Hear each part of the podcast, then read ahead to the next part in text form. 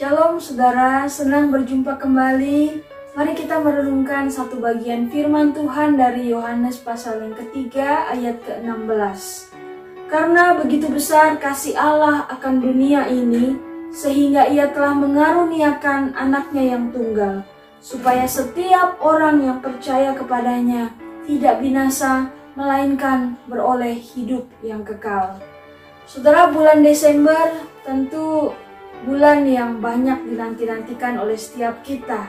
Secara khusus di hari Natal, bahkan sebelum hari Natal, kita sudah banyak mempersiapkan hal-hal yang kita butuhkan, seperti halnya baju baru, pernak-pernik yang indah yang kita pasang di rumah, di toko kita, bahkan kue-kue yang sudah kita siapkan di rumah.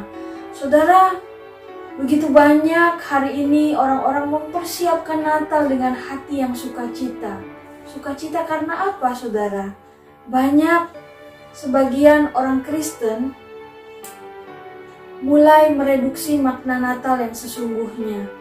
Kenapa saya katakan demikian? Banyak dari kita yang hari ini memaknai Natal hanya sekedar bersifat hal-hal duniawi, seperti halnya memikirkan bagaimana kita akan membeli baju baru, bagaimana kita akan menghias rumah kita, bagaimana kita akan memesan makanan-makanan yang enak untuk berkumpul dengan keluarga.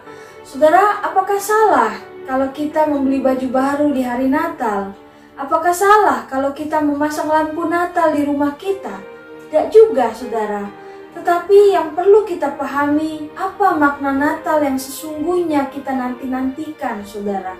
Apakah hanya hal yang bersifat duniawi? Saudara, kalau kita lihat 2000 tahun yang lalu, Allah turun ke dunia dengan rupa seorang hamba Allah turun dengan cara yang sangat sederhana. Dia lahir di kandang domba. Kalau kita melihat kisah kelahiran Yesus, Yusuf dan Maria tidak menemukan tempat yang bisa mereka pakai untuk melahirkan sang juru selamat.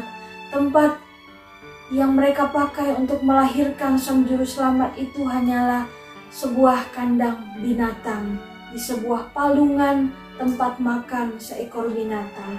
Saudara, saya katakan bahwa orang yang paling miskin saja tidak pernah melahirkan anaknya di sebuah kandang binatang. Tetapi kalau kita melihat Allah turun dengan cara yang sederhana. Kalau kita melihat Allah yang duduk di takhta yang paling tinggi, Dia yang menguasai kehidupan dan dunia ini, ia turun dengan cara yang sangat-sangat sederhana, memilih menjadi rupa seorang hamba untuk menyelamatkan kita manusia yang berdosa.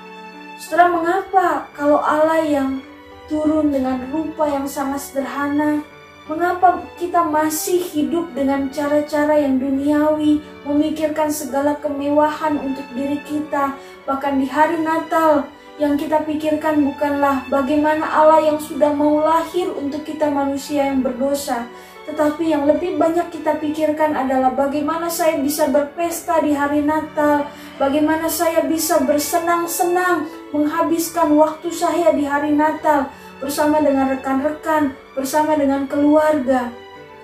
Padahal kalau kita lihat makna Natal yang sesungguhnya adalah pengorbanan Sang Allah menjadi juru selamat untuk kita manusia yang berdosa. Bisakah kita memaknai Natal hari ini saudara dengan memberikan satu sikap hidup kita yang baik, satu komitmen hidup kita yang lebih baik lagi untuk Tuhan. Meninggalkan setiap dosa-dosa kita, meninggalkan setiap hidup lama kita, dan berbalik untuk hidup bagi Tuhan. Karena apa? Karena Allah yang Maha Tinggi itu mau lahir ke dunia untuk manusia yang berdosa seperti kita. Mari setelah kita memaknai Natal di tahun ini dengan cara yang tepat sesuai dengan apa yang Allah inginkan.